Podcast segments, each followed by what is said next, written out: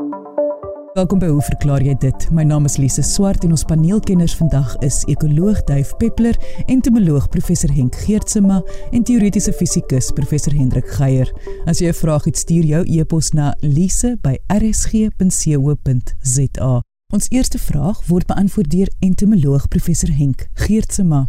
Ek het 'n brief gekry van Dani Kreur. Hy's ongelukkig nie van waar hy skryf nie, maar hy skryf Wanneer my swembad se water begin afgaan, kom daar uit die bloute goggetjies in die water te voorskyn. Een van hulle is die wat op die water rondroei. Ons noem hulle roeiertjies. En die ander een is wat onder die water rondskarrel en ons noem hulle waterluise. Sy vraag is dan: Hoe kom hulle in die swembad? Is hulle een of ander stadium van 'n insek se lewenskringloop? Indien wel, dan moes die insek tog sekere eiers in die water gelê het. Nou dankie vir die vraag. Ek veronderstel die water in die swembad word met kloor of sout behandel en sodra die probleemwerende chemikalie uitgewerk is, sal die water aanneemlik raak vir die insekte. Ek twyfel of daar eiers in die water gelê gaan word omdat daar min voedselbronne vir ontwikkelende insekte in die water aanwesig is. Hoe kom die insekte in die swembad? Die antwoord is eenvoudig. Hulle kom aangevlieg, meestal aangelok deur die reuk van water of deur die weerkaatsing van die wateroppervlak. Daarin verwys ook na twee groepe insekte: die oppervlakte insekte en die onder die wateroppervlakte voorkom. Nou sonder gepaste voorbeelde kan dit ten minste 4 verskillende almal groot insekgroepe behels met die volwassenes wat almal goed kan vlieg. Die waterskaatsers of Geridae is verwant aan die stingbesies. Hulle lengtes wissel tussen 5 tot 20 mm in lengte en die groep word uitgeken aan hulle besonder lang pote en hulle olierige voete. Die hele liggaam is dus nie in kontak met die water nie en die olievoetjies maak dat hulle vinnig oor die wateroppervlakte kan skaats. Hulle kom voor in stil en stadig bewegende water. Sommige is selfs seelewend, kuslewend en bewoners van die sogenaamde Saragossa-eilande. Saragossa-eilande kom voor veral in die Middel-Amerikaanse oseane en dit vorm net massas van plante groei en dit dryf rond as uh eilande sonder grond en hulle het 'n hele kompleks van diere wat op sulke eilande voorkom. Terug na die waterskaatsers. Hulle is roofdiere. Wanneer 'n ander insek op die wateroppervlak val, veroorsaak dit ligte trillings op die wateroppervlak. Die trillings word deur die olievoetjies waargeneem en skaats die roofinsek op die prooi af. Soos bidspringkane is hierdie insekte se voorpote ook gewysig na vangpote. 'n Tweede groep is die Corycidae. Hulle is ook verwant aan stingbesies, maar is kleiner en wissel in lengte van 1 tot 8 mm. Hulle is langwerpig of vaal van vorm en het groot saamgestelde oë en kan dus beweging goed waarneem. Die agterpote is verplat vir swem. Hulle kom algemeen in vars water, plaasdamme, riviere en waterpoele voor. By verstoring kan hulle self uit die water lig en wegvlug. Sommige voed op alge, ander plante groei op 'n waterlewende vlieglarwes en sal dus nie in skoon water voorkom nie. Die Notonectidae is die rugswemmers. Hulle is ook baie klein en lengtes wissel van 4 tot 12 mm. Hulle is ook langwerpig of val van vorm. Hulle swem net onder die wateroppervlakte met die bokant dorsaal. Vandaar die naam rugswemmers. Hulle oë is ook groot met lang pote, voorpote ook vervorm tot gryppote en agterpote vervorm tot swempote. Soos hulle in die water rondswem wat duik, vertoon hulle liggaampie silweragtig. Vanweë lig wat in hulle haarbedekking vasgevang is en vir asemhaling gebruik word. Hulle verkies wateroppervlaktes met skadu staande of stilstaande water. Wanneer hulle versteur word, duik hulle af en soos die vorige groep kan ook uit die water spring. Hulle voed op klein slakkies, soms op paddevissies of klein visse. Hulle is dikwels die insekte wat mens byt as jy byvoorbeeld in 'n plaasstand swem. Dan is daar ander soortgelyke groepe, maar is nie so talryk nie en dit sluit onder andere die waterskorpioene in. Laasgenoemde is natuurlik geen egte skorpioene nie, maar word so genoem vanweë die lang steragtige uitsteeksels wat eintlik niks meer as gewysigde asemhalingsbuise is nie. Moet egter nooit hierdie insekte met taalhande vat nie. Hulle byt kan nogals pynlik wees. Die ander moontlikheid is dat dit ware kewers kan wees. Dit sluit in die Chirinidae Swarterige, meestal metaalagtige kewers van 3 tot 18 mm in lengte met 'n ovaalvormige liggaam. Die voorpote is verleng en die oë is sodanig verdeel dat wanneer hulle op die wateroppervlakte swem en soek na prooi, een deel van die oog op die wateroppervlakte en die onderste deel van die oog onder die wateroppervlakte kan sien. Hulle middel- en agterpote is omvorm tot swempote. Hulle larwes voed op plante groei of op klein waterinsekte. Die volwassenes kom gewoonlik in groepe voor en hul asem deur vinnig na die oppervlakte te swem. Hulle voorvlerke effens lig en sodoende die lug vasvang vir asemhaling onder water. Hulle voed op ander insekte en is goeie vleiers. Maar ek twyfel of hulle in swembade gaan voorkom. Die tweede groep waterkewers is die Tiskidae. Die kewers vertoon baie soos die vorige groep, maar kan soorte met lengtes van tot 45 mm groot bevat. Hulle voor- en middelpote is aangepas vir swem en voed ook op ander insekte. Hulle sal voorkom in vars, brakwater en word na kunslig aangelok. Daar's dus dus 'n hele klomp verskillende inseksoorte wat in Daniese swembad voorkom.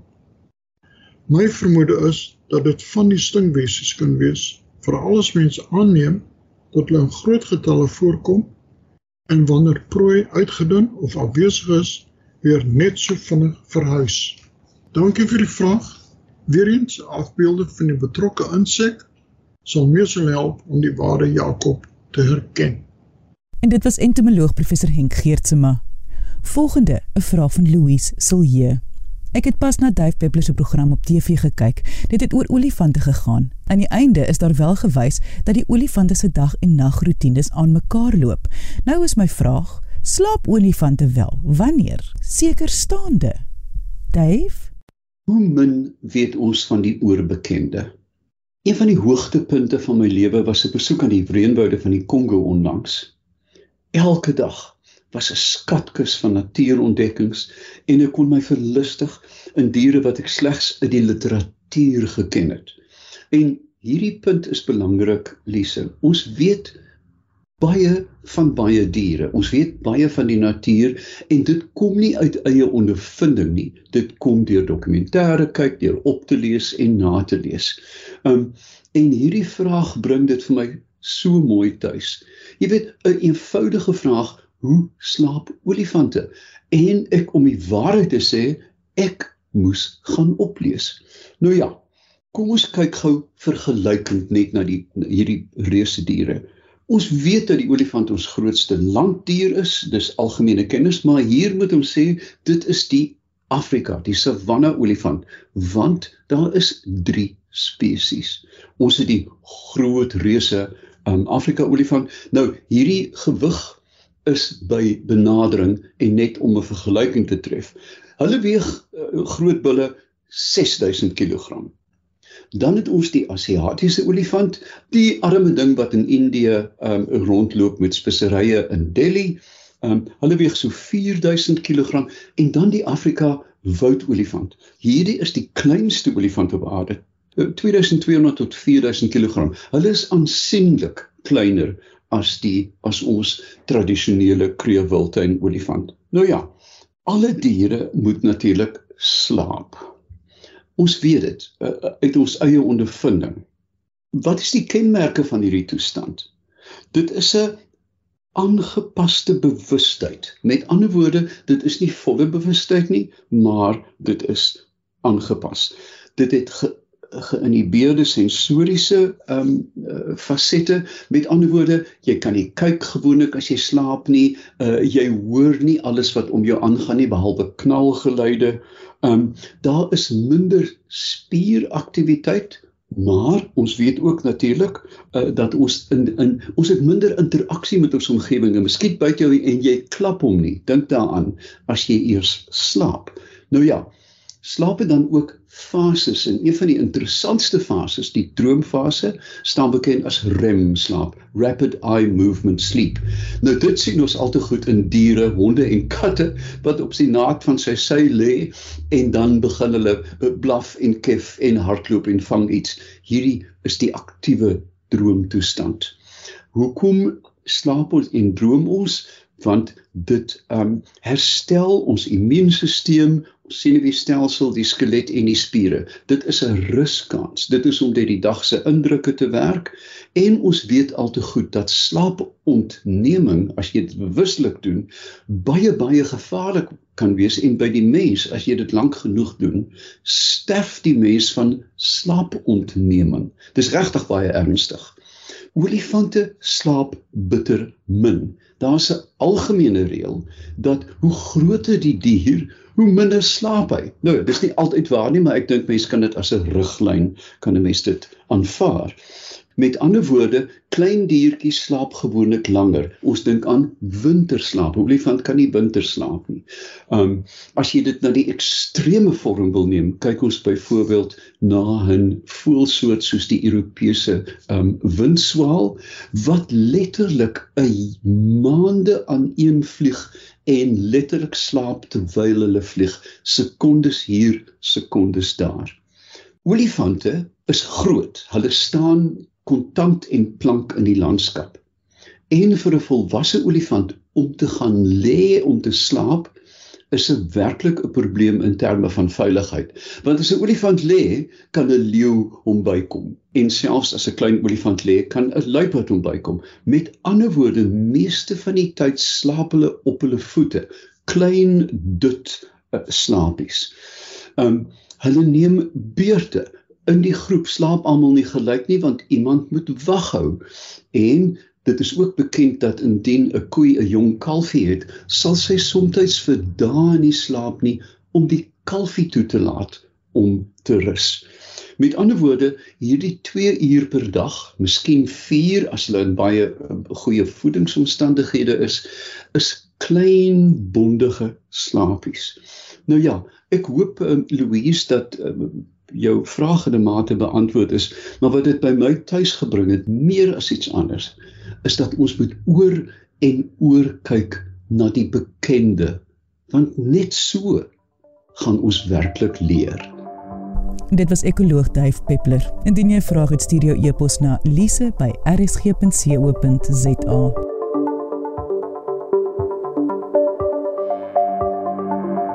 Jy luister na Hoe verklaar jy dit? My naam is Lise Swart.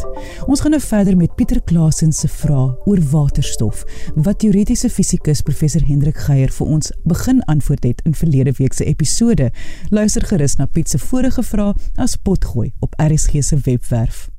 Die volgende reeks vrae begin nou met die vraag oor hoe word hierdie waterstof gestoor? Dit is nou meer spesifiek wanneer jy dit nou wil gebruik in 'n in 'n voertuig uh wat die piek vra word dit nou in gasgelinders gestoor soos wat mense tipies uh, gebruik wanneer jy uh in in die kombuis 'n uh, gasstoof het in so 'n soort silinder of op 'n ander manier. Nou daar's verskillende maniere waarop jy die waterstof kan stoor. Jy kan dit as 'n vloeistof stoor, maar dan moet jy dit koud hou by -253 grade Celsius en dit is duidelik dat dit nie 'n tegnologie of dit dit sou tegnologie vereis wat nie tipies uh, in 'n motorkar saamgery kan word nie. Uh, alternatief word waterstof gestoor as 'n sogenaamde metaalhidriede. Mens kan sê dit kom daarop neer dat jy toelaat dat die waterstof baie losweg aan metaal gebind word, hierdie manier gestoor word en dat jy dan relatief maklik weer die waterstof uit hierdie kombinasie kan kry. En dan die ander alternatief is inderdaad in 'n silindervormige tipe houer onder druk. Daar is byvoorbeeld 'n prototipe voertuig van Toyota, die Toyota Mirai wat um, volgens beskrywings twee tipe tanks het van wat elkeen of wat saam omtrent 5 kg gas kan uh, hou, waterstofgas uh onder druk en met daai 5 kg gas kan 'n mens glo tussen 5 en uh, 4 en 500 km met die voertuig ry. So dit is die manier waarop die die gas gestoor word tipies uh in die hedendaagse prototipes in 'n houer waar die gas onder druk is. En is die vraag natuurlik wat maak jy met hierdie gas? Uh dis die vraag wat uh, Dr Piet vra as hy vra hoe werk 'n motorkar wat deur waterstof aangedryf word. Nou in wese is is is 'n 'n waterstof aangedrewe voertuig eintlik niks anders as 'n elektries aangedrewe voertuig nie want wat gebeur is daardie uh, waterstof word dan nou ingevoer in 'n battery tipe struktuur en ons kom nou nou terug daarby wat dan elektrisiteit verskaf en van daar af is die is die is die hele aandrywingsproses en en uh, meganika van die voertuig niks anders as die van 'n elektriese voertuig nie wat ons bring by die vraag wat doen jy nou met die waterstof as jy dit in 'n battery wil gebruik? En om dit te kan toelig is dit miskien heel maklikste om net vinnig weer by 'n gewone battery te begin lees uh en gewone battery se voorloper die eenvoudigste waarvan ons weet is die is die sinkkoper suurlemoen tipe battery met ander woorde jy druk twee metaal stawe een van sink uh, gewoonlik uh, 'n spyker en uh, 'n koperstafie in 'n suurlemoen en as jy die twee metaalstafies aan mekaar koppel en en tussen hulle sê maar 'n gloeilampie insit, dan sien jy dat die suurlemoen die gloeilampie laat brand. Nou die wat hier tipies gebeur is dat by die sink elektrode vind daar 'n sogenaamde oksidasie proses plaas. Die teenwoordigheid van die suurlemoen laat die sink toe om twee elektrone af te gee. Ehm um, by die koper plaatjie vind daar 'n sogenaamde reduksieproses plaas waar twee elektrone saam met twee waterstofione wat in die elektrolyt en 'n elektrolyt is altyd 'n 'n belangrike komponent van enige battery uh dit verskaf aan die een kant die ione soos in hierdie geval die waterstofione en dit is ook in uh, vir alle praktiese doeleindes 'n isolator vir die elektrone. So die elektrone kan nie sommer van direk van die van die sink af na die koper deur die elektrolyt gaan nie. En hulle kan nie daai kort pad vat nie. Hulle moet deur die geleidingsdraadjie gaan en dit is natuurlik waar die elektriese stroom vandaan kom. So daar ons nou die eenvoudigste geval van 'n van 'n battery. Dit het twee elektrodes uh van verskillende metale tipies uh elektrolyt tussenin en daar vind 'n chemiese proses plaas wat meebring dat elektrone by voorkeur of die enigste manier waarop hulle van die van die uh, een aanode na die ander ene kan beweeg is uh, is deur die geleidingsstruktuur. So ons sit in so 'n waterstof brandstofsel met 'n struktuur waar jy nou die die die twee uh, elektrodes as dit ware skei nie met 'n elektrolyt nie, maar in hierdie geval word dit uh, genoem of is dit 'n sogenaamde polimeer membraan en die die polimeer membraan uh doen dieselfde werk as die suurlemoensap in die suurlemoen battery.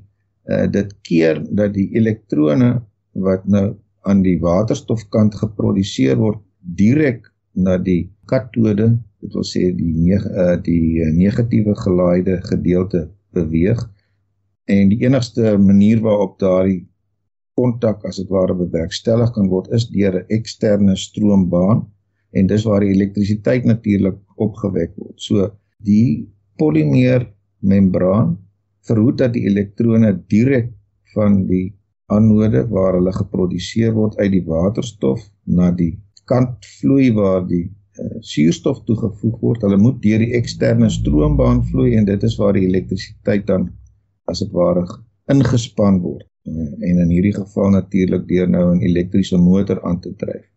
So daar is 'n proses waar elektrone vrygestel word. Die struktuur is so opgestel dat hulle nie 'n ander keuse het as om langs die stroombaan na die ander kant van hierdie brandstofsel te beweeg nie terloops daar word hulle weer geherkombineer met suurstof en op die ou einde is die neuwe produk eenvoudig water. So jy produseer gelyktydig elektrisiteit en in die proses word water vervaardig as dit ware wat natuurlik afgevoer moet word. Maar hierdie hele proses is een wat gedurig gevoer word deurdat waterstof van die druktanks uh, toegevoeg word tot die brandstofsel. So van daar af soos ek reeds gesê het, is dit uh eintlik presies dieselfde tegnologie as die vir elektriese motors.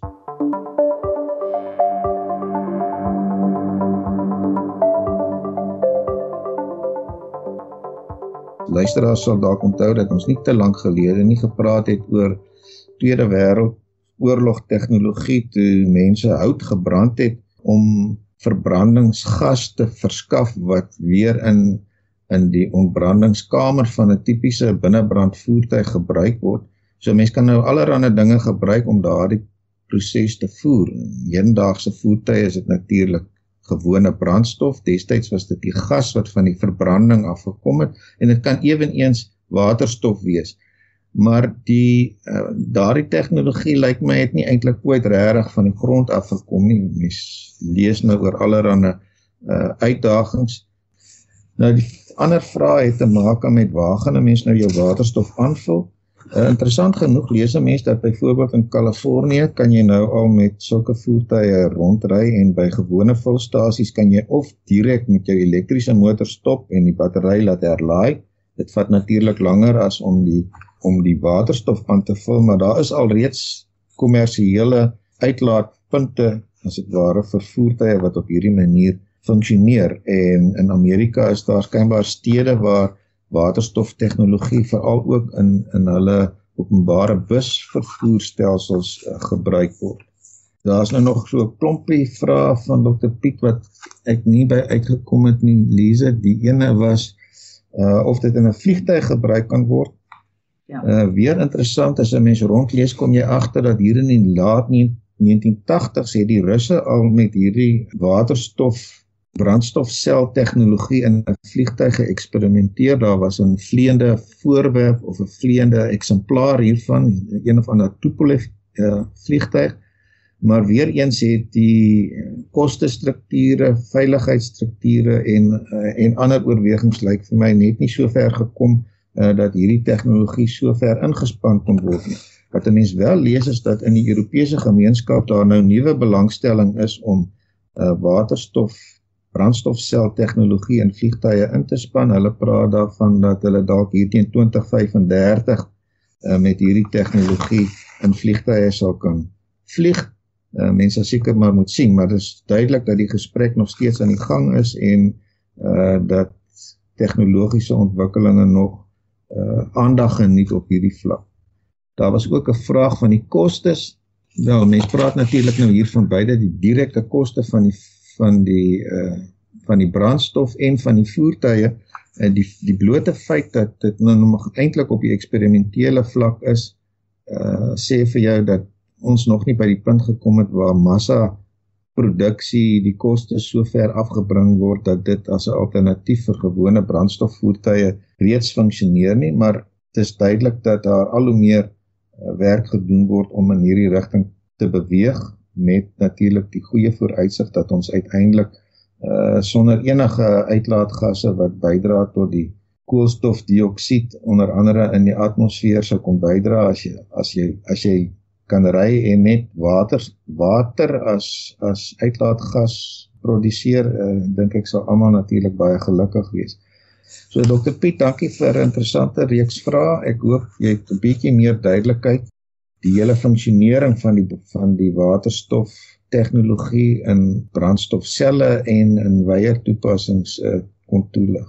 Dit was teoretiese fisikus professor Hendrik Geier. Ek sê baie dankie aan ons kenners en vraagstellers vandag. Onthou om altyd nuuskierig te bly en vrae te vra. Tot volgende week hier op RSG saam met my Lise Swart. Totsiens.